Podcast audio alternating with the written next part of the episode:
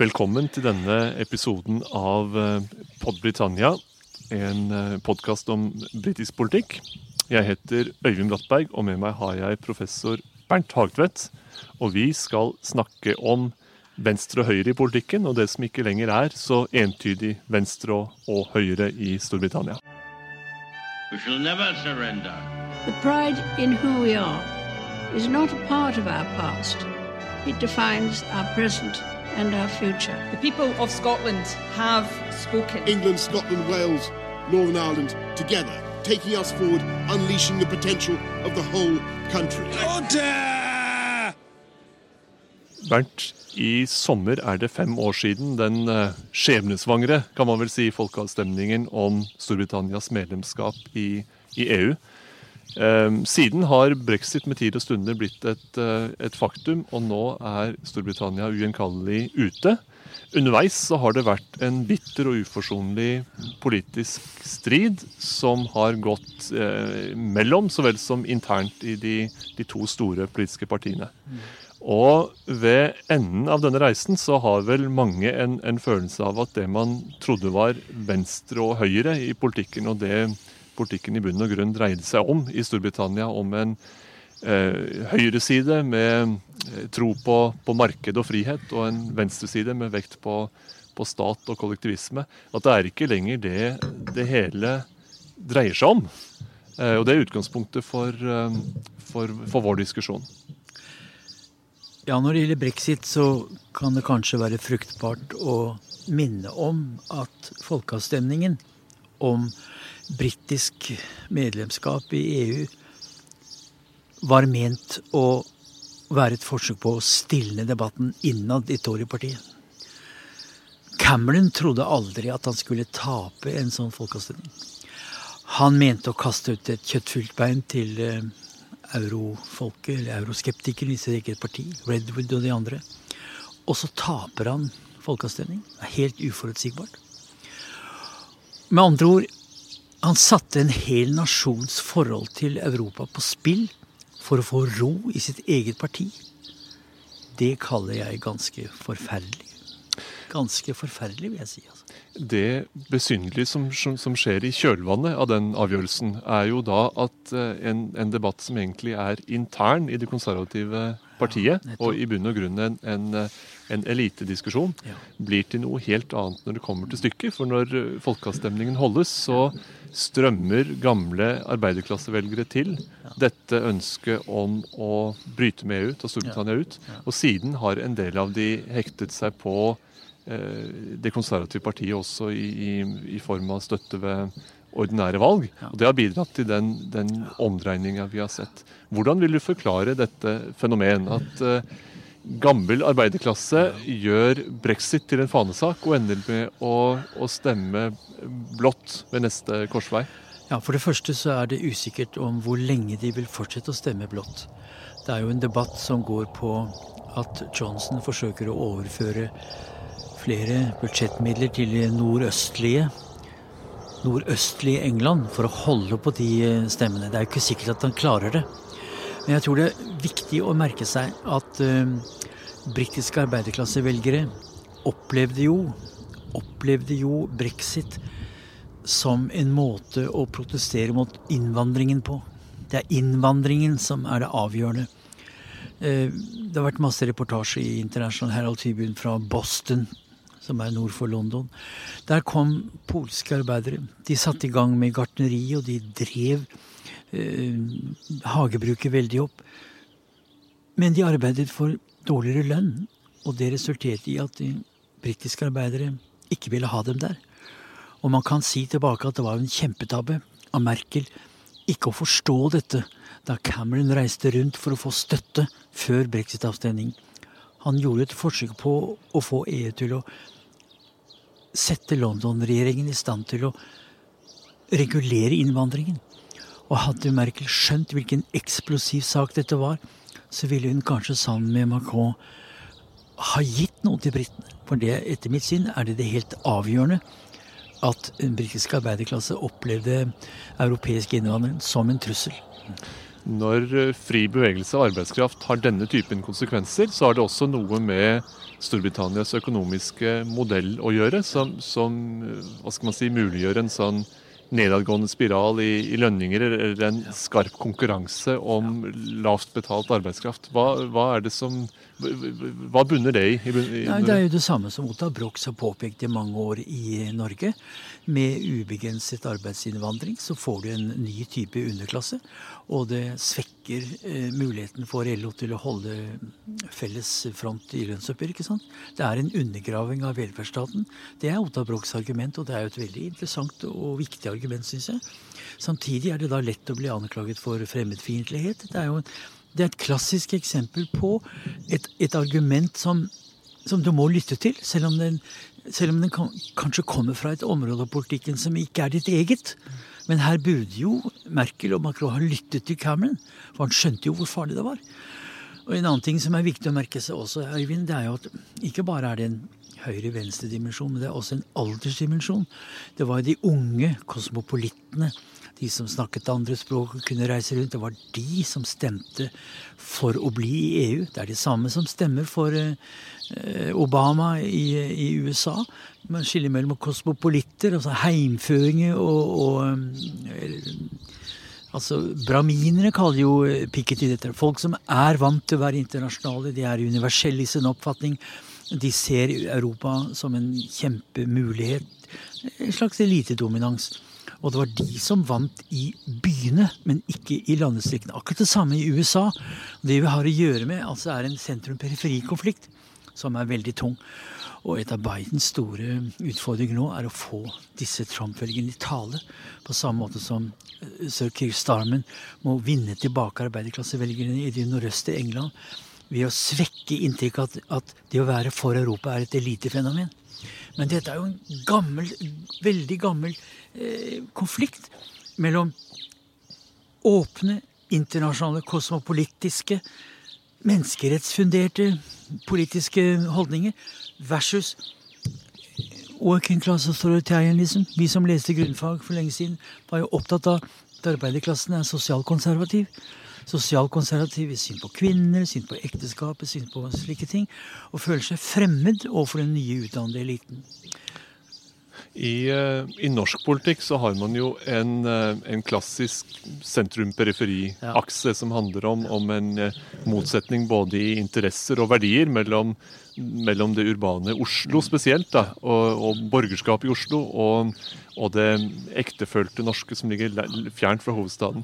Den sentrum-periferi-aksen som, som Storbritannia synes å og, og, dreies rundt i dag, er av en litt annen type. For det er jo ikke først og fremst borgerskapet i byene som er av den EU-vennlige sorten, og som også har eh, samlet seg om, eh, om, om, Labour. Det er jo snarere de unge som du var inne på, de utdannede. De, de som er komfortable med både friere valg av, av, livsstil og et mer flerkulturelt samfunn og teknologiske skifter osv. Toleranse overfor livsstilsavvik, homofili og alt sånt. Hvordan har det seg at dette skulle, skulle bli eh, venstresidens banner? At, at, disse gruppene i byene etter hvert har blitt en kjernegruppe som tilhører eh, venstresida politisk, i alle fall det britiske Labour politisk? Prøv følgende resonnement. Harvard-professor Michael Sandel har jo skrevet en ny bok om meritokratiet. Altså eh, politikk på basis av kompetanse. At venstresiden har delvis skyld i sin egen misere når de hele tiden fremhever betydningen av du er din egen lykkes smed. Det er din egen kompetanse, din egen drivkraft, alt det som gjør at du kommer opp. Men det er jo et budskap som ikke nødvendigvis treffer i fattigslige industristrøk i West Virginia eller i nordøst i England. Altså at venstresiden, ved å legge vekt på meritokratiet, har undergravet sin egen stilling. For det er bare en annen form for elitetenkning. Hva med de som aldri kan komme inn på Yale? Alle som kommer inn på Eton? De som ikke kan gå med i dette løpet? Og for hvem sosial oppadstigende tendens er en illusjon? Det er, det er, de som Labour og demokratene må snakke til. Og det er en uhyre viktig pedagogisk oppgave. Å snakke til, til, til, til, dem som medmennesker. Ikke snakke ned til dem, men forstå hvordan de tenker. Det er avgjørende for all politikk å forstå hvordan, hvordan medmennesker tenker. Og i, i, England så er det helt opplagt at toryene har altså en egen evne til å snakke til disse menneskenes frykt for det fremmede, for utenlandske, for innvandrere, for språkkrav. Altså hele den internasjonale verden fortoner seg fremmed. I, i Storbritannia har man det tilleggsmomentet at um, i Skottland vil altså det skotske nasjonalistpartiet antagelig vinne absolutt flertall nå i det neste. Og, og, hva skjer nå i Nord-Irland? Altså, Johnson kan bli den første statsministeren som, som uh, presiderer over oppløsningen av unionen. Og det er jo da en, en helt kontradiktær effekt av, EU, av, av avstemning. Altså, for å oppsummere Venstresiden kan ha skutt seg selv i foten ved å fremheve så sterkt at det enkelte mennesket er sin egen lykkes med. Det, og, og, nettopp det å tro at alle mennesker kan ta høyere utdanning, at de kan uh, komme fram til en åpen, liberal holdning bare ved å få høyere utdanning, det er kanskje en dead end, altså. For å forstå eh, hvor vi er, så må man vel også si noe om, eh, om, hvor man kom fra. Og her er det jo lett å ty til litt sånn uh, klisjeer, men det het en gang i en mye brukt britisk lærebok om, om, politikk eller om statsvitenskap at class is the basis of British politics. All else is embellishment and, and detail. Hvis det var det man kom fra i etterkrigstida, eller det lange løpet fra 1945 fram til globaliseringa på, på 90-tallet. Hva, hva, innebar det egentlig? Hva slags klassestemmegivning var det det dreide seg om? Dette kan du like mye som meg, men klassestemningen før var jo først og fremst knyttet til industriarbeiderklassen. Og knyttet til folk med lavere utdanning. I, i eh, fagorganiserte. Hele den britiske fagbevegelsen var jo basert på TUC, fagbevegelsen. Og samtidig så var det jo en, en tendens i britisk samfunnsliv helt tilbake til annen verdenskrig, med en veldig vekt på uh, arbeiderklasse colleges. Og, altså bildningsarbeidet, som svenskene sier i, i arbeiderklassen.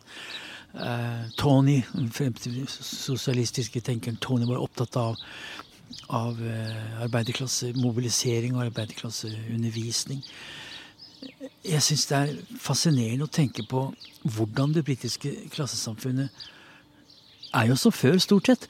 Selv om opplevelsen av det er et annet. Betyr det også at en del av vår tids eh, kulturkamp og, og, verdispørsmål, som synes å være viktigere for, for eh, velgeres valg av parti, betyr det at en del av det er, om ikke villfarelser, så er det rett og slett en, et skifte av, av agenda, mens klassestrukturen ligger under der som før, og man har bare valgt å se bort fra den og drive politikk på andre premisser i stedet? Det viktigste å merke seg med EU-avstemningen var jo at var, det var kryssende konfliktlinjer her, som vi sier. Altså, Det fantes jo en falangs i Tore-partiet som trodde at man ved å fjerne seg fra EU kunne bli kvitt sosiale ordninger med feste EU. Det kunne bli en ny level speed, altså en, en, helt annen type økonomisk kraft. Du kunne få Shanghai on the Thames. Du kunne få eh, en helt ny aggressiv britisk kapitalisme uten å ha EU hengende rundt som et tørkle rundt halsen.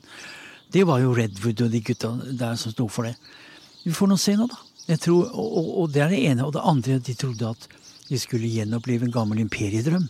Global Britain. Vi får nå se. De har foreløpig problemer med å få en handelsavtale med USA. Ja. Så her har vi å gjøre med ideologiske rester fra en fornstor dar. En ideologisk rest etter imperietenkningen. Troen på at Commonwealth kan erstatte mye i Europa. Det er en illusjon, altså. Der eh, rører du vel kanskje også ved et av de eh, sentrale paradoksene med eh, utmeldingen av, av EU. Hva utmeldingen skal gjøre skal gi av nye muligheter. Eh, for noen på den britiske høyresida skal jo brexit være en, eh, en, plattform for global frihandel og en slags marked, turbokapitalisme, på et vis.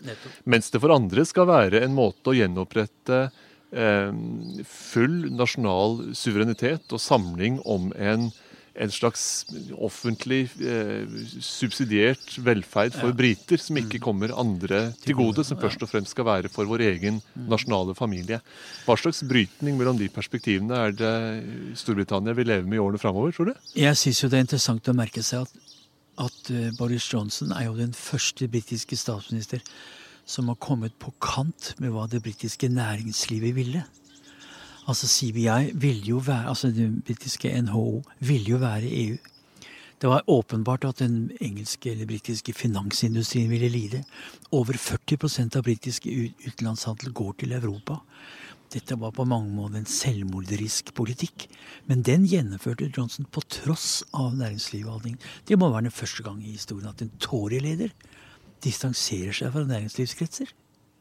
Er det et uh, ideologisk ståsted, på et vis? Et, et uh, gjennomtenkt og grundig ståsted for Boris Johnson sin del, eller er det mer et utslag av opportunisme? At uh, man for brexit sin del måtte, måtte, løpe den veien folkemeningen gikk, rett og slett? Jeg kjenner ikke Johnsons sjelsliv i den grad den finnes. Men det som er klart, var at han slo mynt og kron om han skulle være for eller mot EU. Det vet vi jo. At han var full av løgner. Hva han skrev i Daily Telegraph var forferdelig. hva han kom til av løgner. Kampanjen var også full av løgner. Jeg mener at uh, uansett hva man mener om brexit, så er det det spørsmålet man må stille seg. Er alle kompliserte politiske spørsmål egnet til folkeavstemning? Jeg er blitt mer og mer skeptisk. Faktisk veldig mer og mer skeptisk. Og brexit tror jeg er en tragedie. Det gjenstår, eh, det gjenstår, å se hvordan den eventuelle tragedien vil, vil, utspille seg. og Det er også en stund til, til neste eh, parlamentsvalg, som eh, senest må finne sted i, i, 2024. Men hvis du skal tegne opp noen grunnriss av, av, av disse bevegelsene, hva slags tvekamp står de to store partiene overfor ved neste valg? Og hvilke grupper av velgere er det, er det i bunn og grunn som de, som de, vil måtte dytte over på sin side for å, for å vinne hegemoni? Starmer må gjenvinne gamle Labour-valgkretser i det nordøstlige England, og også i Sør-England. Det hele er avhengig av det. Opplagt, tror jeg. Hvorvidt han klarer det, det er enhver kan tenke sitt om det. Starmer selv er jo veldig tillitvekkende. Veldig tillitvekkende, syns jeg. Men det er jo interessant å tenke på at en mann som Corbyn ville vært utenkelig i norsk politikk. Der har vi altså en, en, form for marxisme som vi ikke har hatt i Norge i det hele tatt. Corbyn prøvde jo, men han eh, ble jo eh, rammet av, av anklager om antisemittisme og jeg tror den perioden i britisk politikk fra Labour sin vil fort bli glemt. Og at vi er tilbake til en normal politikk. Men hva som Starmer må gjøre for å gjenvinne tilliten i de kretser som Tory vant nå Nei, det Ja, du spør meg, så spør jeg deg. Et næringsliv som stiller seg tvilende til om eh, det konservative partiet, det bærende partiet på høyresida, er, eh, er, eh, er, er tilliten verdig. Og arbeidere som spør seg eh, hvorvidt venstresidas parti, Labour, er det rette talerør for dem. Det er jo et kaotisk utgangspunkt. Har du noen åpenbare paralleller fra eh, tidligere tider i, i britisk politikk hvor man har hatt denne form for forskyvning mellom ulike interesser i samfunnet og forvirring omkring hvor de hører hjemme politisk? Jeg kan ikke si at jeg ser noen perioder hvor det har skjedd en sånn forskyvning, altså realignment, som vi sier på norsk. Men det er jo perioder i britisk særlig 20-tallet under generalstreiken, hvor forbitringen var like stor, og enda større enn en etter krigen. Jeg syns det er vanskelig å forstå britisk politikk akkurat nå. Det eneste som jeg syns er interessant, er at du kan få en gjenopplysning av Nord-Irland-striden eh, som følge av eh, det som alle advarte om. De advarte om det i, i brexit-forhandlingene. Og så tror jeg at skottene er så møkklei Tory-regjeringer og London at der vil det etter hvert komme til en folkeavstemning. Hvorvidt eh, SNP vinner en, det er uklart. Men jeg tror det har skjedd et veldig stemningsskifte, og det er jo interessant. Hva gjør EU? Hvis Skottland vinner og, og søker, da må jo EU si ja. Men de vil jo ikke tillate at Catalonia gjør det samme. I Catalonia er det også visstnok flertall for løsrivelse fra Spania. Men jeg er ikke så sikker på at Brussel vil godta det. Men de vil nok godta hvis Edinburgh kommer. Altså, politikken er en serie med avveininger. Og så var det ikke Wilson som sa at 14 dager er en lang tid i politikken? Det var uh, i alle fall en uke som er en lang tid i, i politikken, uke, ja. og det er saktens uh, lenge nok. Jeg skal, skal, avrunde med et spørsmål om, uh, om, Skottland, for det snakkes mye om at et eventuelt selvstendig Skottland i fremtiden vil være et, et Skottland som er mer nordisk orientert, mer orientert mot, mot både Eh, sosialdemokratisk eh, sinnelag og, og samarbeid i, i, vår retning. Så et, et, selvstendig Skottland vil kanskje være et mer nordisk Skottland, kanskje også et mer sosialdemokratisk Skottland. Men hva med et England uten Skottland? Hvordan vil, eh, hvordan vil det se annerledes ut politisk fra det det i dag gjør som, som del av det, den britiske unionen, hvis England sto tilbake uten det, det skotske? Vi snakker om 60 millioner engelskmenn, er det ikke det? 5,5 millioner skotter, og så er det walisere, jeg er ikke helt sikker. Hvilken retning vil et løsrevet England ta? Vel, jeg tror de etter hvert vil måtte erkjenne realismen og søke tilbake til Europa. Iallfall økonomisk, på en eller annen måte. Og så tror jeg at de etter hvert vil forstå at dette special relationship med USA er bare en kimære. Det er en ren illusjon. Og jeg tror ikke de, de vil merke at Global Britain Vel, det, det, en, det, det, vil forbli en tåkefull øy i Nordsjøen, og de vil ikke kunne komme fram med disse gamle imperiedrømmene. Den, den tid er forbi. Jeg tror de vil bli tvunget på en eller annen måte, om ikke ideologisk og mentalitetsmessig, men økonomisk, tettere samarbeid med Europa, enten de vil eller ikke. We shall never surrender. The pride in who we are is not a part of our past. It defines our present and our future. The people of Scotland have spoken. England, Scotland, Wales, Northern Ireland, together, taking us forward, unleashing the potential of the whole country. Order!